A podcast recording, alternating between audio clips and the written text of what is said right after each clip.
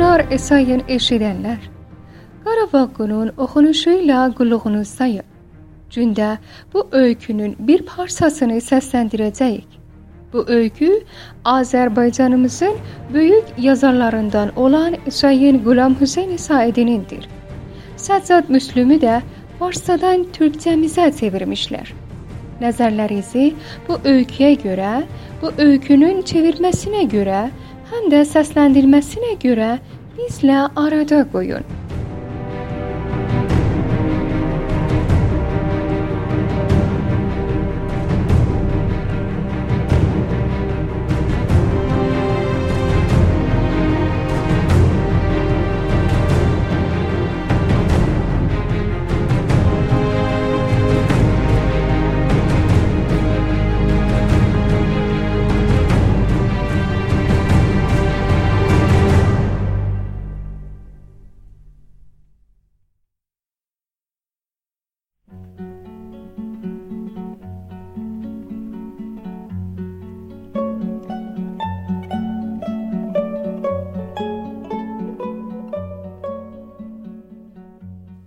Qara vaqon. Yox, yox. Doğru düzgün adı yoxdur. Bütün aralıqda qalmışlar kimi hər yanda bir adla taqırardılar. Rah ahən hayç, şapur başında mayç, muxtaridə qarapet, təşkilatda harapet, səncilətdə buğuz, topxanada muğuz, lalezarda Mirza.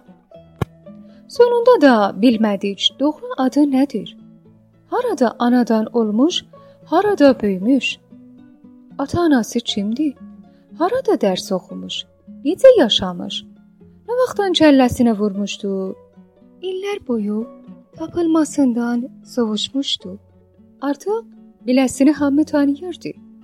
Həmişə də özəl saatlarda bir yanda tapılardı. Saat 9-da Sənclət, saat 10-da Topxanada, 10 yarımda Lalezarda, 11-də İstanbulda elə axşama dək beləsi olurdu. Özünə antiqi qiyafə qoşmuşdu. Uzun saqqal, arıq sümüklü üz, dişsiz ağız, uca boy, beli bükük. Sağ ayağı axsardı. Sol çiyni isə tovlanardı. Köhnə batıq bir börç başında. Burnunun ucuna dək yenmiş girdə bir gözlük. Uzun paltosu ayaqlarına dək çatardı. Və ilin başa başında yükü dolu kitablarını təsmə ilə belinə bağlayıb, elə beləsi dolanıb, tir-tipir deyib, oyunbazlıq edib əda çıxardardı. Dilənçilik etməzdi. Ancaq hər kim hər nə biləsinə versəydi, yox demədən alardı. Heç təşəkkür də etməzdi. Çox rahat alıb, heç nə demədən yoluna davam edərdi. Daim yeyərdi. Çox da yeyərdi. Hər nəlinə getsəydi yeyərdi. Dişsiz ağızla fındığı sındırardı. Quru çörəyi cəmirərdi. Siqaret diblərini yığıb tez-tez süsülərdi. Kafelərdə hər mizin başına çatınca bir istikan biləsinə verərdilər. O da tez yuxarı atıb söz bənd eləyib keçərdi. Danışmaqda heç ləhcəsi yox idi. Elə buna görə də çoxları ciddiləməsini düşünüb, erməni olmasını inanmazdılar. Nahar çağılar bir çölcə yaxud dinc yer tapıb, kitabları belindən açıb yerbəyer edib, varaqlayıb, başı soyuqluqla gözdən keçirdib, sonunda da hamısını yerinə toplayardı. Hər dildə kitabı var idi. İngiliscə, fransızca, ərəbcə, erməni, asuri, rusca, almanca, doğrudan da hər dildən bir şeylər bilərdi. Nə bilim, bəlkə də yalan basırdı. Ancaq deyirdilər, çox oxuduğundan asılı beyni qarışıb dəli olmuşdu.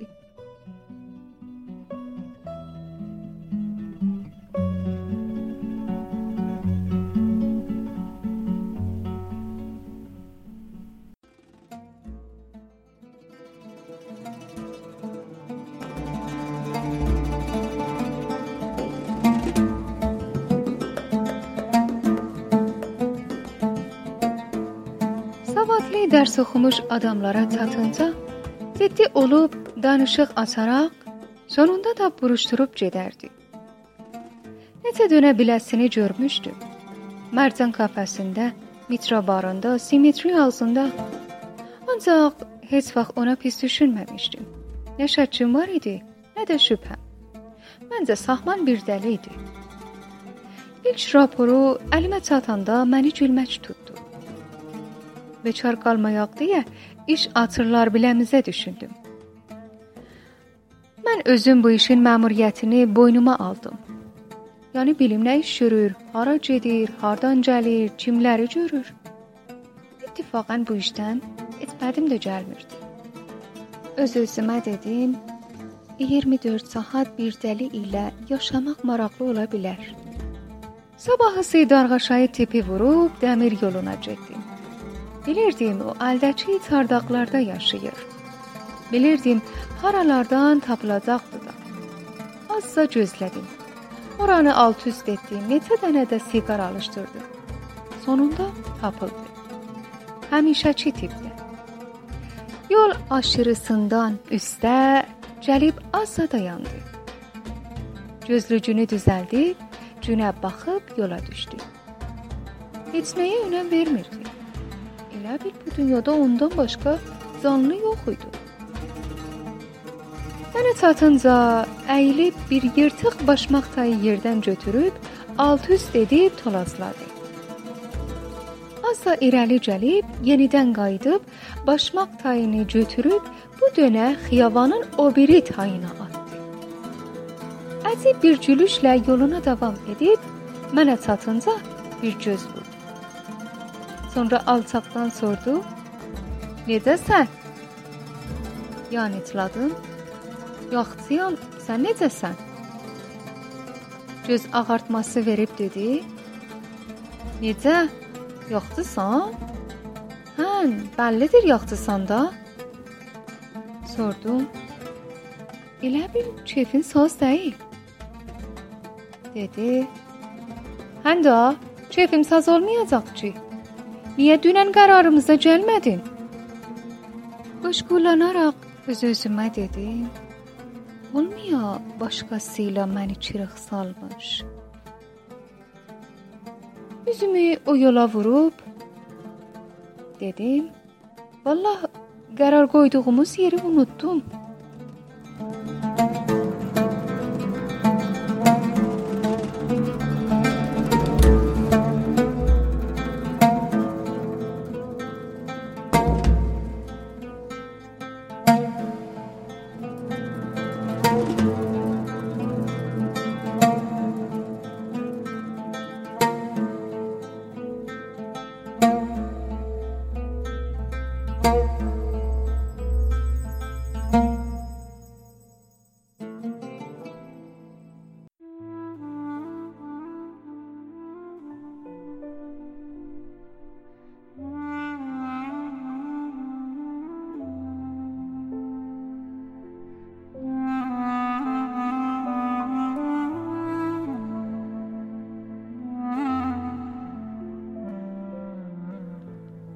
Özümü o yola vurub dedim. Vallah, e, qərar qoyduğumuz yeri unutdum. Ay axmaq, deyib yola düşdü. Sözü o açmışdı. Bu mənim üçün işi rahatladı. Elə buna görə də onunla yol bir oldu. Neçə addım irəliləməmişdən soruşdum. Hələ Musiyo Buğuz, harda qərar qoymuşduq? Acıqlanaraq dedi. Mən musiyoza deyiləm. Mənim adım Muğusidir. Musiyolar kalbas satarlar. Muğdusilər isə dua oxuyarlar, Məsih ciladlarına baxarlar. Onlar Tanrının öz uşaqlarıdırlar. Birdən dayanıb sordu. Hələ doğrudan gastronomi hardadır? Yanıtladım. Gastronomi nə mənədir? Dedi. Bilmirəm. Bir zamanlar elə burada olardı. İndi yerinə ağac göyərmiş. Ardıca oxumağa başladı. Məni görməzdən başı soyuqluqla oxuyurdu. Azca gedəndən sonra sordum. Hələ deyə görüm, məndən sonra başqaları qərara gəlmişdilər? Başını tovlayıb dedi: Heç kim gəlməmişdi. Artıq gəlməməyə alışmışlar. Soruşdum: Neçə nəfər idilər? Dedi: Hamı ba. Hamı qərar qoyanda sonra altına vurub hər şeyi pozarlar. Budur ba. Bax gör. Hamı başı soyuq yolunu gedir. Yenə başını aşağıya salaraq oxumağa başladı. Biləsilə cahdan tin-tinə gedirdim. Cahdan da dalı qalırdım. Cahdan da biləsindən getirdim. Ancaq zaman getdikcə artıq boş iş görməyimə inanırdım. Mindarlıq dəlilik anbarından heç nə ələ gətirə bilməyimi düşünürdüm. Birdən-birə beynimə gəldi, kitablarına da bir göz dolandırım. Əlim kitablarının birinin qabığına dəydi. Geri dönüb acıqlanaraq dedi: "Nə iş görürsən?" Dedim: "Heç zat mənəm." Sordu: "Sən kimsən?" Dedim: "Ha bir-birimizlə konuşurduq. Həmənəm." Sordu: "Ha vaxt konuşduq?"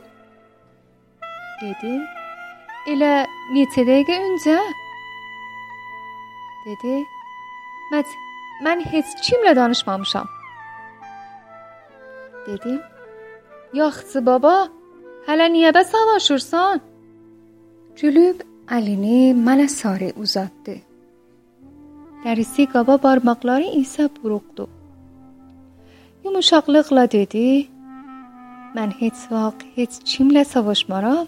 Mən çox yaxşı adamam." Mən də gülüb əlimi cibimdən eşiyə çəkib dedim: "Bilirəm, sən yaxşı adamsan."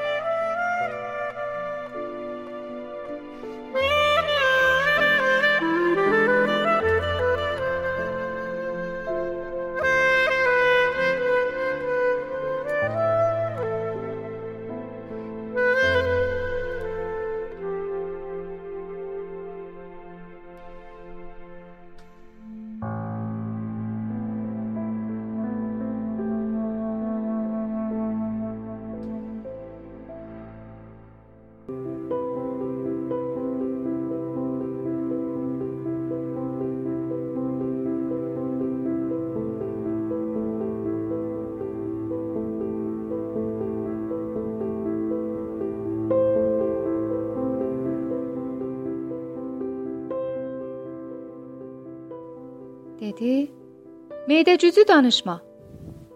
Dedim. Değilsən? Dedi, yox.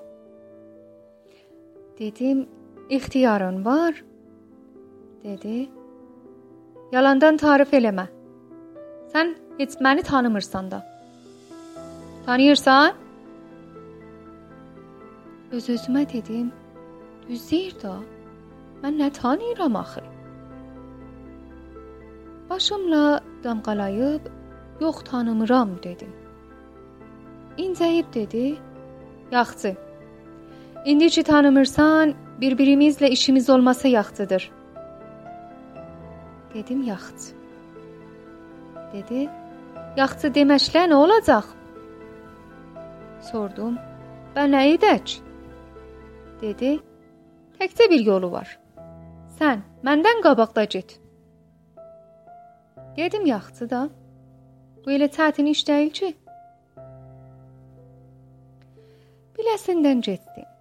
Neçə addım irəliləməmişdən qışqıraraq dedi: "Hoy Mirzə Buğuz!" Qaydınca soruşdu: "Niyə qayıtdın?" Dedim: "Sən çağırdın da." Dedi: "Sən Mirzə Buğuzsan?" Dedim: "Yox." Dedi və onda Mirzə Boğuz kimdir?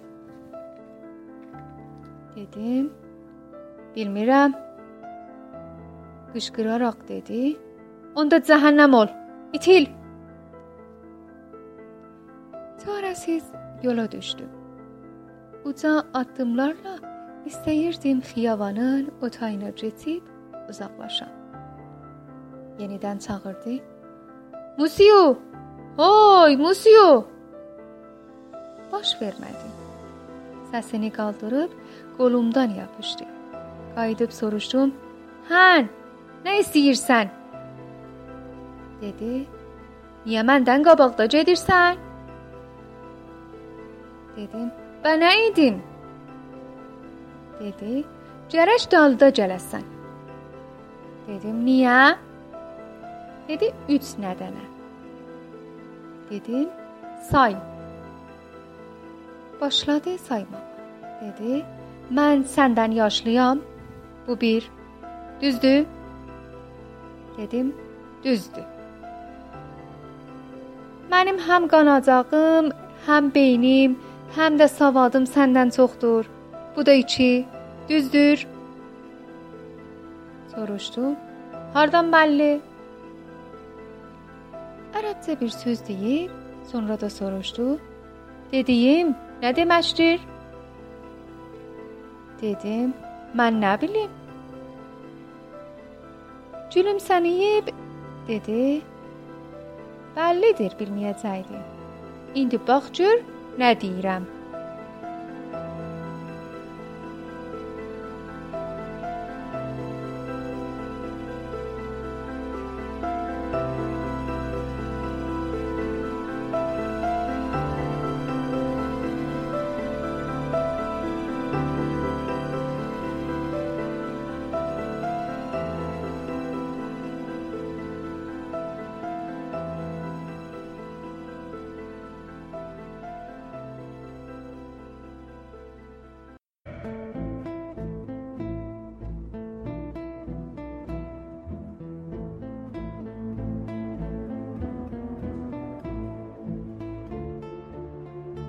Yabancı dildə bir söz deyib sordu.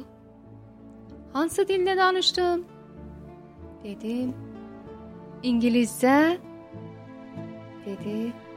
Yox, maymaq. Fransızca idi. Dedim. Mən fransızca başarmıram. Sordu. Yəni ingiliscə başararsan? Dedim. Yox. Heç Onu da bacarmaram. Dedi. Nə mənə başarırsan? Dedim. Bilmirəm. Birdən biraz sərtləşib dedi. Bunu da deyim ha. Adam min dənə də dil başarsa da, savadlı olmağına dəlil ola bilməz. Qəbul edirsən? Dedim. Düzdür. Başlar ayağıma gözünü dolandırıb dedi. Yox, çox da yanlışdır. Dedim. Və indi nə edim?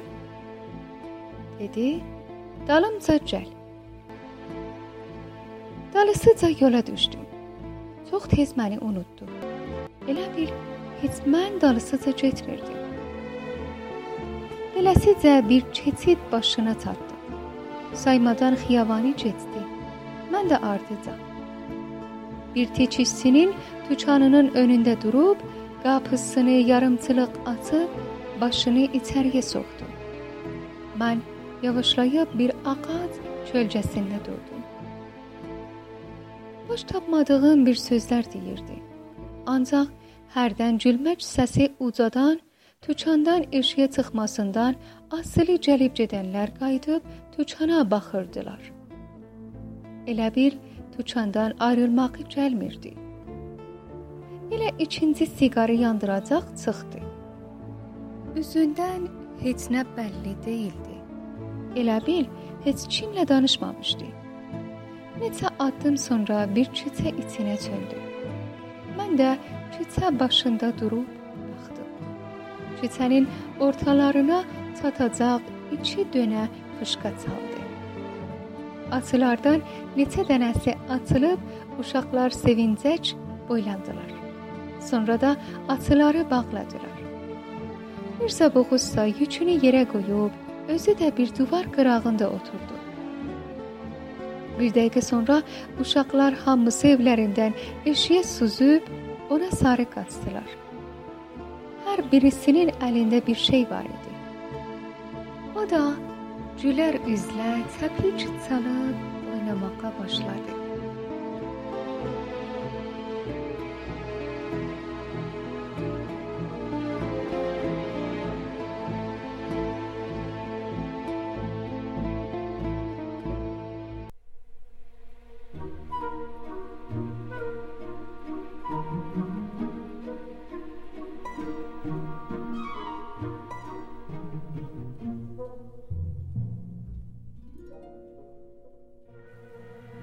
Uşaqlar dörələdib qucağına dırmaşdırırlar.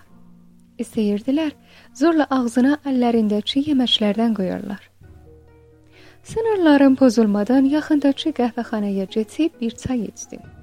Yarım saat sonra dolu ağızla tapıldı. Tez durub eşiyə çıxdı. Üzmə baxıb qaşlarını oynadıb, üzbə üz gələn birisinə dedi: "Yeyirsən?" Sonra əlindəki quru çörəyi göstərdi. Tərəf də saymadan getib getdi. Elə bu maymaqlılardan naharadək çox gördü. Nahar çağı bir küçənin ağzında oturub kitabları yerə düzdü. Sonra da cibindən bir balaca dəftər çıxardıb varaqlamağa başladı. Qabağa getib önündə oturdum. Gözlüçünü yerindən düzəldib mənə göz dikdi. Kitabları göstərib sordum. Bunlar satdıqdır?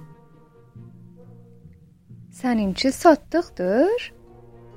Dedi. Mənim yoxumdur ki. Dedi. Mənim varımdır ki. Soruşdum. Nə mənə yazıblar? Dedi. Hər şey. Dedim. Baxa bilərəm? Dedi. Bax. Kitablar bütünlükcə yabancı dildə idi. Mən də yabancı dillərdən heç başım çıxmazdı. Elə buna görə də yalandan dənə-dənə götürüb varaqlayıb yerinə qoydum. İşim qurtulacaq soruşdu. Baxdın? Dedim, hə. Dedi, nə mənə yazmışdı? Dedim, boş tapmadım. Dedi, bə niyə istəyirdin alasan? Dedim, Elə beləsi. Cülüb dedi: "Hə, elə beləsinə də yaxşı bir şeydir." Sonra da bir kitab əlinə alıb oxumağa başladı. Soruşdum: "Sən başarırsan oxuyasan?" Dedi: "Görürsən ki, oxuyuram." Soruşdum: "Nə mənə yazıb?" Yanıtladı: "Sənə nə?" Dedim, mən də istəyirəm biləm. Dedi, müftə olmaz. Dedim, nə istəyirsən? Dedi, bir istiçan ərəq. Dedim, ikisini alaram. Onda dedi, mən də ikisini oxuyaram.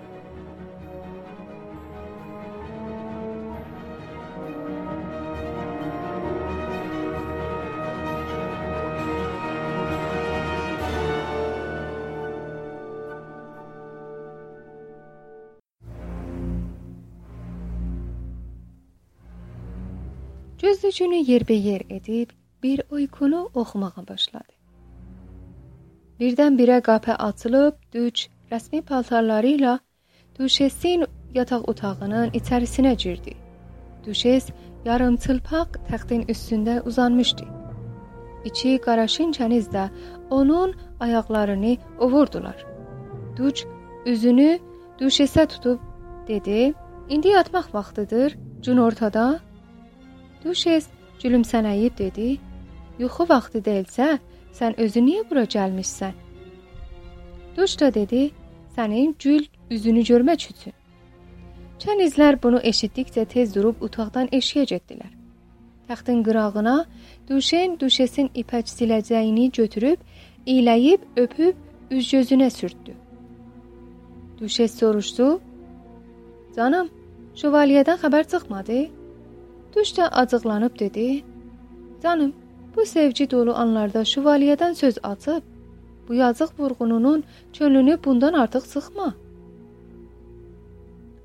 Sözünü kəsib dedim.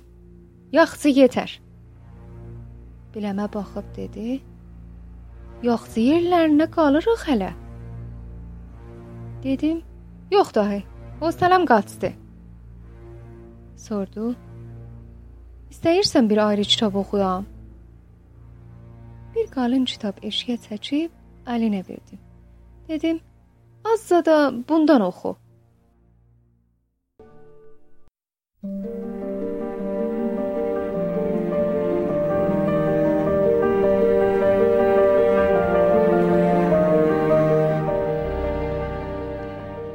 Kitabı alıb açdı. Ərəq neçə istiçan oldu? 4 də. Başladı. Salon adamla doluydu.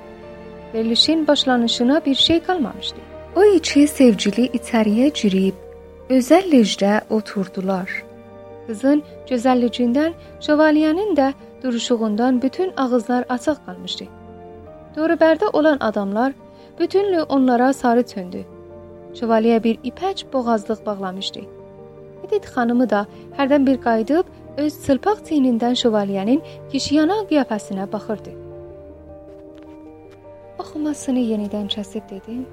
Yaxşı, yetər. Sordu. Yenə də xoşun gəlmədi? Dedim. Niyə? Elə də pis deyildi. Ancaq nahar çağıdır. Yetərlidir. Çaşqın çaşqın dedi. Hara yetərlidir? Əlini uzaldı, başqa bir kitab seçib uca səslə oxumağa başladı. Sonunda Tanrının ocu öz işini gördü. O zatı qırıq efritə arsaq Nastaziyanın iffət qövhərini oğurlayandan sonra dedim, daha istəmirəm. Başdan ayağıma göz dolandırıb birdən dedi: "Çox axmaqsan." Dedim: "Dur gedək arağını alım." Dedi: "İndi bax, günortadır." Elə də mən getdim, deyib ayağa qalxdım. Getmədən dedi: "Xəbərin var sən çox bitsən?" Oldu. deyib neçə addım uzaqlaşdı. Dalıdan qışqıraraq: "Zığalıq etmə ha, axşam gəl dalımca." Dedim: "İnan gələcəyəm." Dedi: "Satqınsan gəlməsən." Dedim, Musiyo canı gələrəm. Uzaqlaşanda təkid edərək sordu. Hətmən gələcəksən də? Dedim, hən də gələrəm. Dedi, hara gələrsən? Dedim, meyxanaya da. Dedi, hansı meyxana? Dedim, hansısına sən desən. Gülərək qışqırdı. Gördün dedim. Gördün sən o dübbələrdənsən. Uca addımlarla uzaqlaşdım. İstədiyimə çatmışdım. Elə tapdıqlarımı da idarəni razı salıb harapet qarapet, maymaq avans, Mirzə Boğuz zadın pərvəndəsi bir yolluq bağladı.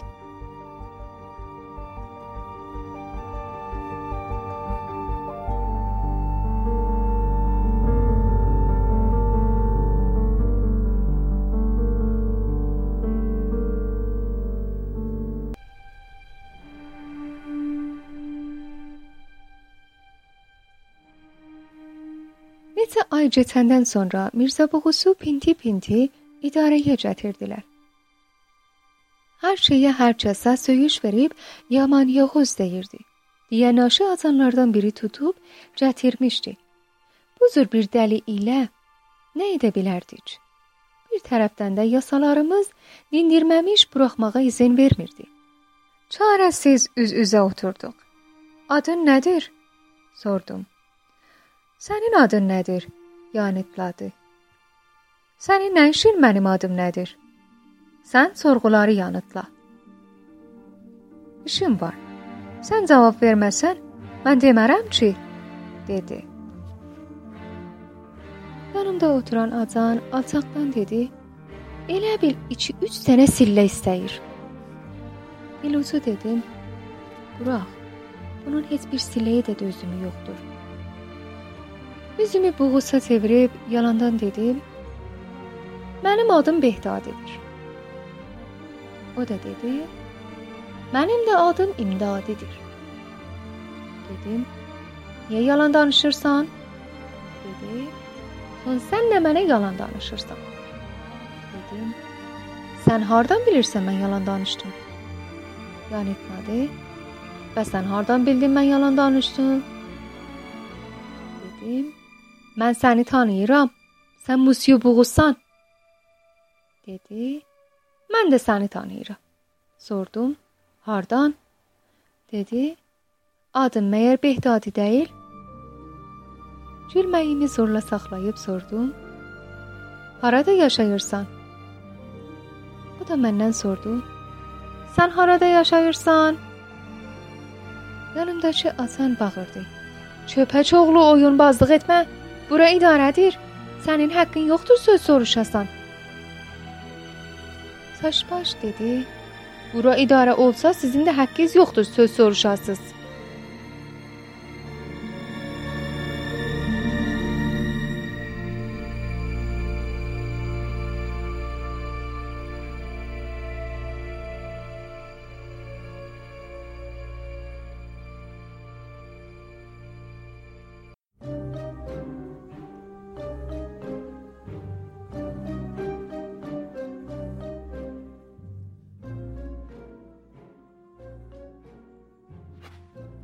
Hasan səsini daha da ucaldıb dedi. Bizim haqqımız var. Biz buranın adamlarıyıq. Bu qız yumuşaqlıqla dedi. Mənim də haqqım var. Mən də buranın adamıyam. Masanın üstünə vurub alçaqdan dedi. Musiboş, mən Xurşid xiyabanında oturaram. Birdən nə aldı, nə qoydu dedi. Ay tülçü. Yaxşı özünü bağlayıb yuxarılarda ev tikdirmişsən. Dedim. Sən harada yaşayırsan? dedi. Mən vaqonda yaşaram. Sordum. Hansı vaqon? dedi. Qara vaqon. Dedim. Arvad uşağın da var? Yanıtladı. Arvadım yoxdur, amma uşağım var. Sordum. Arvadın ölüb? dedi. Özünün arvadın ölə. Mən arvad almamışdan arvadım elə? Düz işdi? Dedim, bəhardan uşağım var. Dedi, elə beləsi. Sordum, neçə dənə? Başı soyuqluqla yanıtladı. Nə bilim, 25 dənə olacaq. Acan acıqlı dedi. Oyuna getmişik ha. Mən çox gənc üzdən gedərdim. Sordum. Böyüyü neçə yaşı var? Dedi, 25, 26 sordum. Balacanın neçə yaşı? Dadı 24, 23. Gülməyimi saxlaya bilmədim. Sözün düzü, istəmirdim bu boş sözləri kağızda yazam. Ancaq çarəm yoxdur. Sordum, hamıyız bir yerdə yaşayırsınız? Dedi, yox, çoxdan mənim görüşümə gələrlər dedim. Bilələrinə nə idi? Nə deyəsən? dedi. Nə deyərəm? Ulan əcəb adamsız ha? dedim. Mən bir bilgin adamam. Bilələrinə ağlı oxuyaram, kitab oxuyaram, sayncı öyrədərəm. Dedim. Daha nələr edərsən? dedi. Deməli zət də yanımda olsa verərəm yeyərlər. Dedim, daha? dedi. Hirslənib eləsəm də bilələrini vuraram. Acan dərin nəfəs alıb dedi. La ilahə illallah. Bir dodaq arasında dedim. Yavaş ol, hirslənmə. Dedim kağızın aşağısında buraxıldı yazıb. Get. Sordu. Hara? Dedim işivin dalsada da. Dedi, mənim işim yoxdur ki. İstəyirəm burada qalam. Dedim, burada qalasan nə iş görəsən? Dedi. Düşün bir işlər görə bilərəm. Bir zadlar biləyizə öyrədərəm. Biraz qanacaq başı izə soxaram.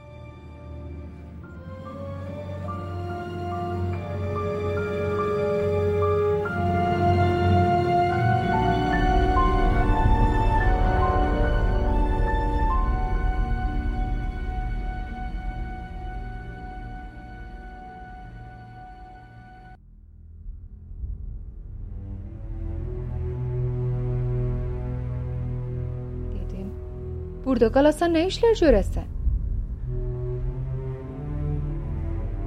dedi. Düşün bir işlər görərəm. Bir zadları biləyizə ürədərəm. Biraz qanacaq başınıza soxaram.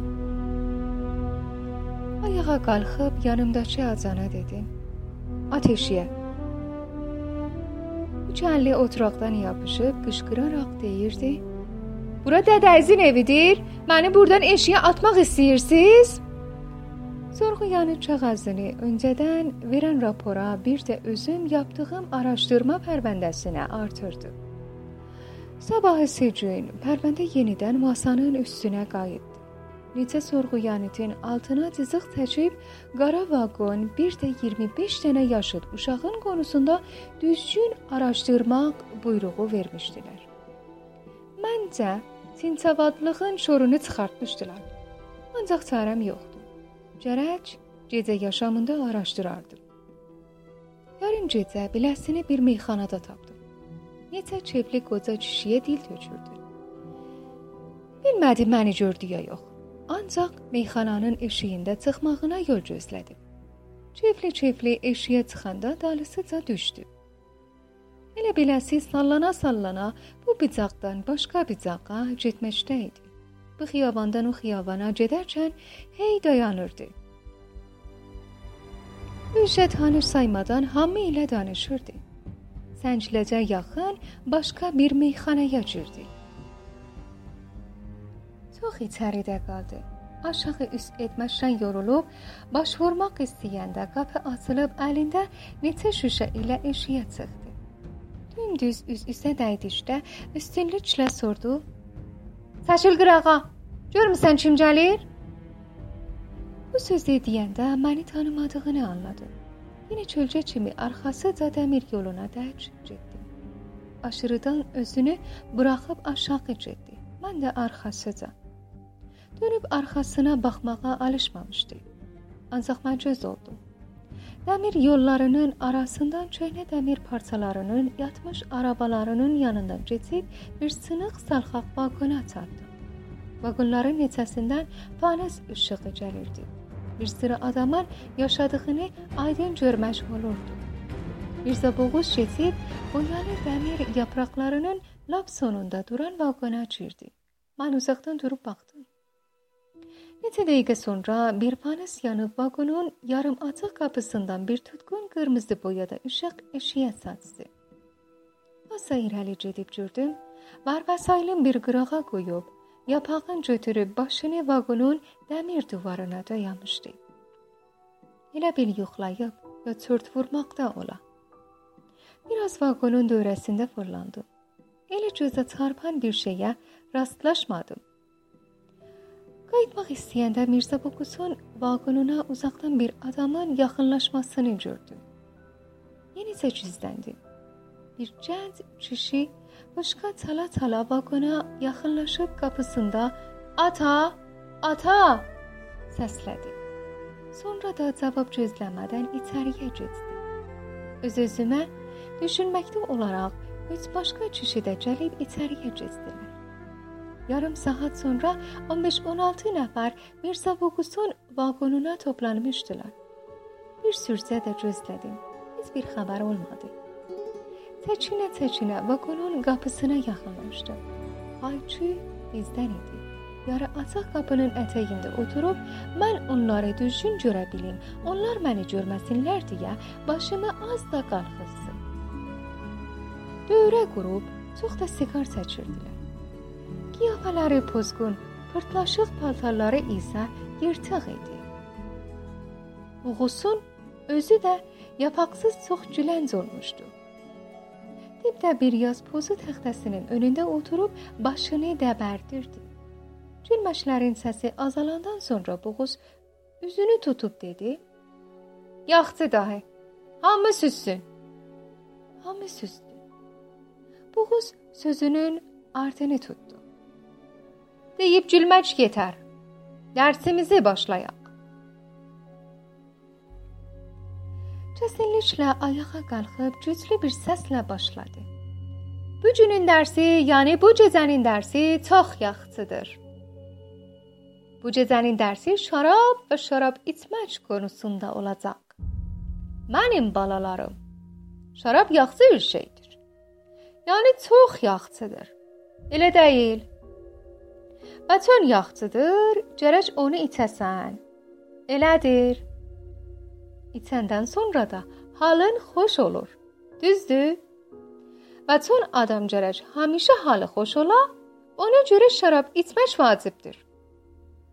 Buradan anladınız? Hamısı oxul uşaqları kimi ucadan "Bəli!" qışqırdılar. Buğuz sözünün ardını tutdu. Ancaq şərab içənlər iki yerə bölünür. Bir sıraları şərabı çababla içir. Bir sıranın da çababı yoxdur deyə şərabı şarabla içir. Yəni pullular ilk şərab içib üstündən çabab yeyirlər. Kasıblar da ilk şərab içib üstündə şərab içirlər. Sonuçda pulsuzlar pullulardan iki qat keyfi saz olarlar. Bir dəqiqə gözləyib sordu. İndi kim qanmadı? Bir timbil fəhlə əlini qovsayıb dedi. Mən. Buğuz acıqlana dedi. Sən maymaq, ha vaxt bilmişsən ki, indi biləsən. Fəhlə dedi. Düzdür ata. Mən şərabın özünü içməyincə heç nəyi qəbul etmirəm. Oğuz alını ovuşdurub dedi. Nə edim? Sonra da uşaqlarının birinə baxıb dedi. Şüşələri gətir. Bunu deyəcək hamı bir-birinə dəydi. Neçə dənə bibandrol şərab, neçə dənə də istiçan vaqonun ortasına qoyuldu. Buğuz qışqırdı. Şıltaqlamayın. Şıltaqlıq etməyin. İlk istiçanı doldurub sordu. İlk, kim gərək içsən? Haman timbal fəhlə dedi. Mən. Elə bil üzüm bərk açılıb ha? Buğuz dedi. Həmən adam sordu. Və kim içməlidir? Birdən-birə hamı bağırdı. Ata, ata, ata! Buğuz gülüb istiçanı başına çəkib dedi. Öz sağlığıma, sizin sağlığınıza. Sonra hamı şüşələrə daraşdı. Buğuz hayladı. Şıltaq etməyin. Qulaq asın görün nə deyirəm. Şərab içəndən sonra oxuyub oynamaq, şuxluq, çırpışmaq azaddır. Amma bədməsti, ağlamaq, qusmaq, küsmək hamımıza yasaqdır. Anlaşıldı?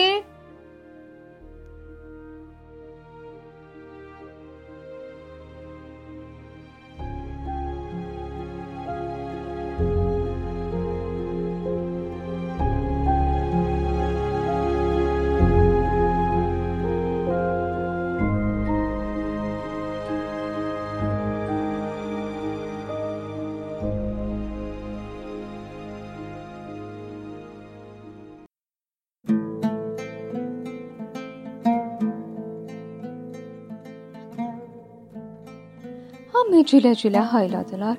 Bəli. Sonrası da şüşələrə sarı höcürdülər.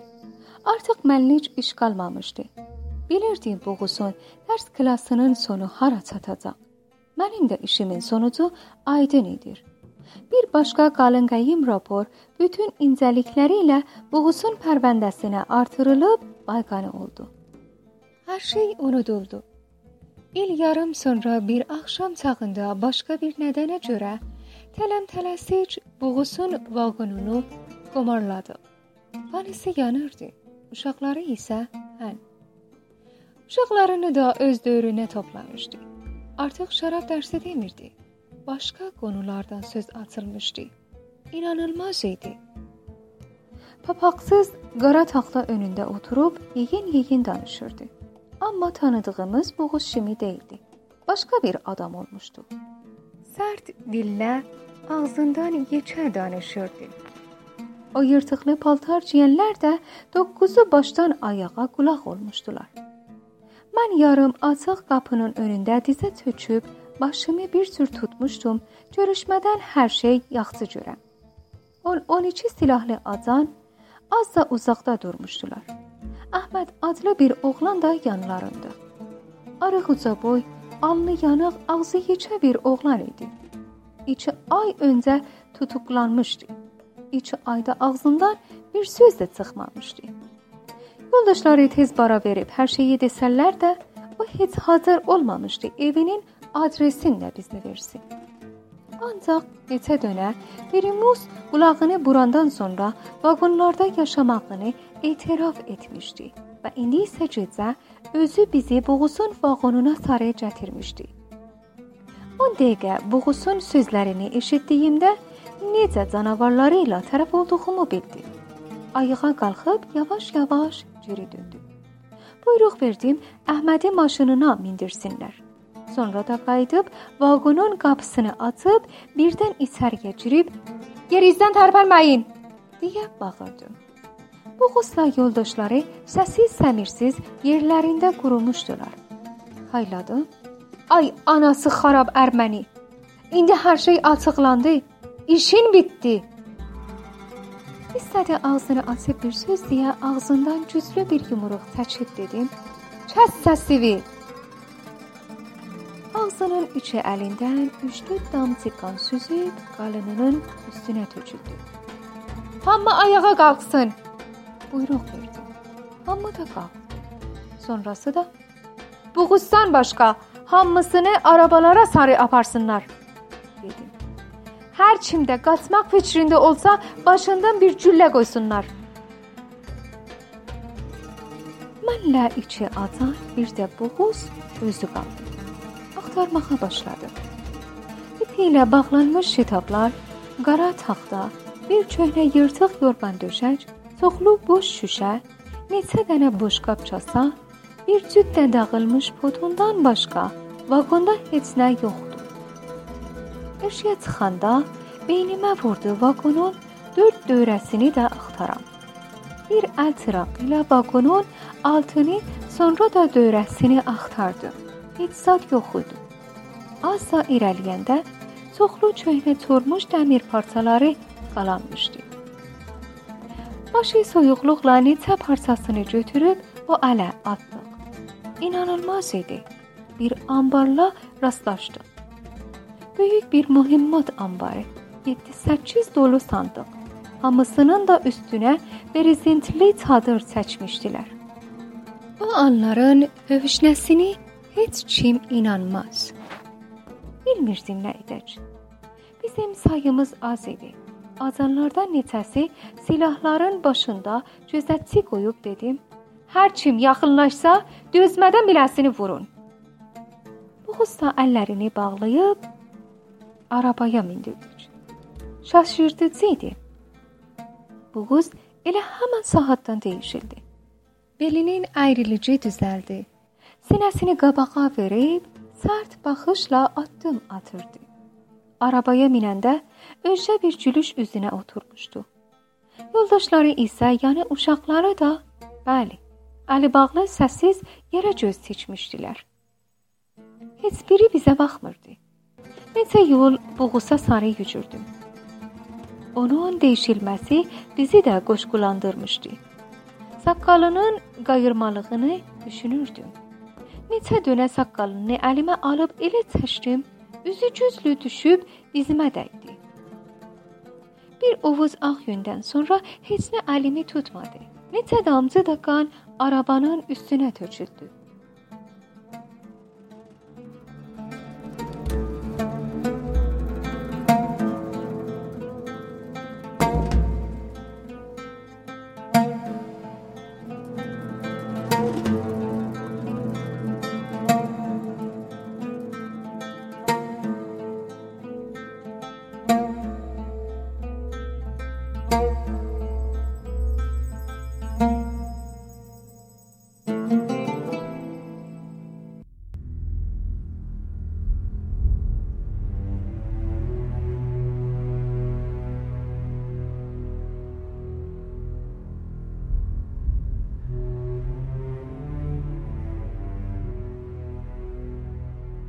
İdarəyə yetişən andan görünməyən yuxarı simitənliklə üz-üzə gəldik.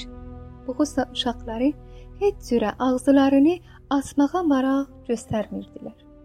Urman zamanları üçün. Heç ilk saat ikinci gün ya ilk ay ikinci ay sözü değildi. Günlər ötdükcə onlardan tək bir sözcüğün də çıxartması olmaz görünürdü. Umudumuz kəsilməkdə idi. Hər birisi ayrı-ayrı damda saxlanılırdı. Heç birində qorxu ya titirmə izi görünmürdü. Hər hoqqa vurduq, hər yalan danışdıq, yararsız oldu. Təkcə danışan adam Uzun Əhməd idi. İlk gecələrdə qorxusundan təb elədi. Sonra da yalan dediyinə etiraf etdi.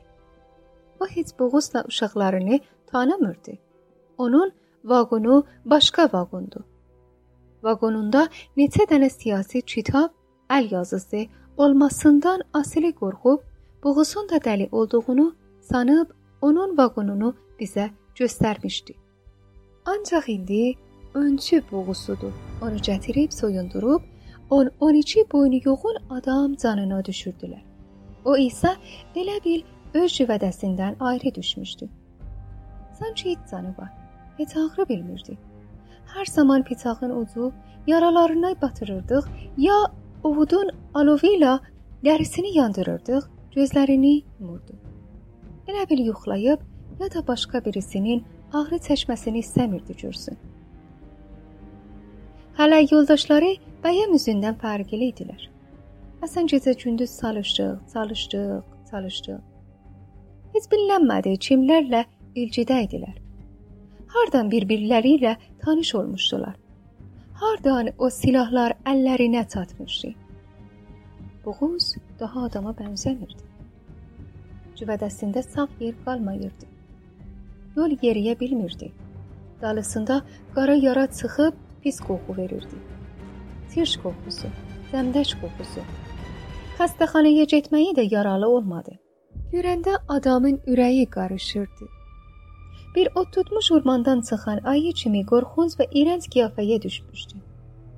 Ancaq beləsinə hər nə verirdilər yeyirdi. Həm özü, həm də uşaqları. Bəlkə də belələrinə yaşamdan tək bircə qalan şey elə bu idi və başqa bir şey. Bir başqa dəhşətli qonu.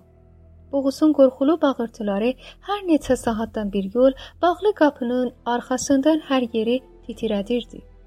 O dəhşətli bağırmalar ağırından ya üzülməkdən deyildi. Sanki bir sözü ya bir xəbəri çatdırmaq istəyirdi. O bağırmalardan sonra özcə bir səssizlik hər yeri bürüyürdü. Hər gün ötdükcə çığırtmaqlarını daha yaxından duyurdum. Daha dözməyim imkansız görünürdü. Çarəsiz qulaqlarımı tuturdu. Bir gecə daha səsi gəlmədi. Onu qurumuş, sərt qiyafə ilə gözləri açıq Dostağın kaşılarının üstündə tapdı. Sabahısı gündən yoldaşları sanki bildilər, Boğuzun başına bir oyun gəlmiş, ona görə də gündə bir özəl saatda Boğuzun yerinə hamısı bağırmağa başlayırdılar. Bir sürü yaralı qabalın ücürən halda bağırmasına oxşayırdı. Heç cürə beynilərini ələ keçirdib bilələrini dilə tuta bilmədik. Yollarını gözləyən izlənc səslərinin kəsilməsinin təkcə yolu idi. Bir gün günəş çıxmadan iki kamyonla güllələməc meydanına getdik. Törən həmişəki kimi yenicə irəliləyirdi. Düz zuxa dizlərini yerə vuran anda qudurmuş bağırtıları övçəli halda göyə qalxdı. Səslərindən mən gözlərimi yumub qulaqlarımı tutdum. İki ay sonrası uzun Əhmədi ağlarsızlar halda buraxdı. Elə bil heç hüşü başında değildi. Sevinmədən çıxdı getdi.